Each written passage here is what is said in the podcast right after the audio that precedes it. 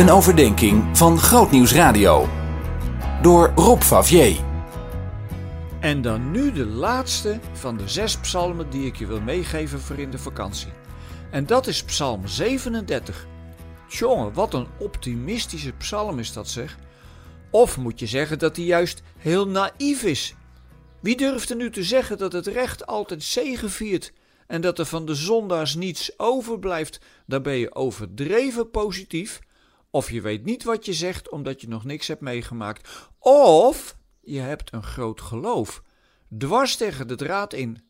Wat ik zo mooi vind is dat de psalm begint met iets heel menselijks. Erger je niet aan slechte mensen.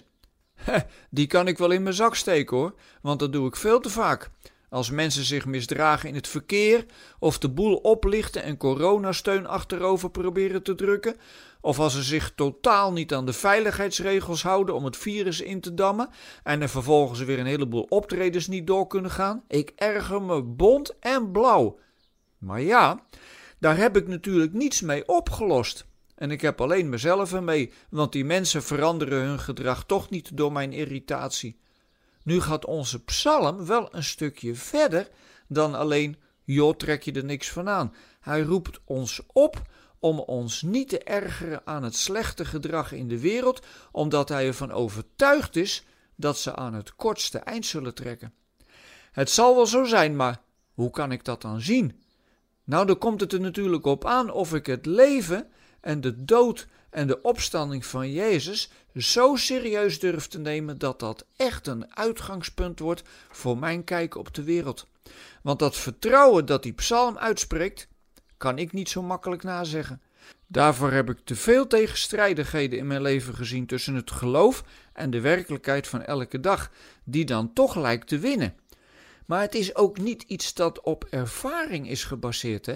maar iets dat me aangezegd wordt, dat me verteld wordt, verkondigd. Gods liefde is sterker. En als ik dat tot de basis van mijn leven maak, leer ik misschien heel voorzichtig ook iets van dat optimistische in mijn leven te krijgen.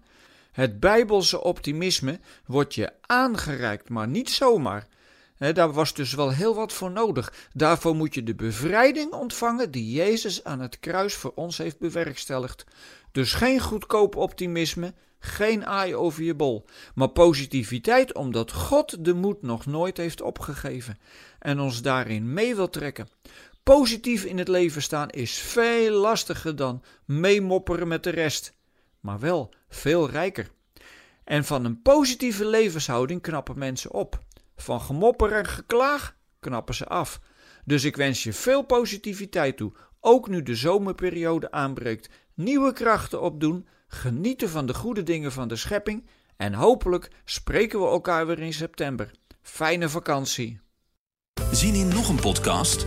Luister naar Zorgen voor je ziel via grootnieuwsradio.nl/podcast.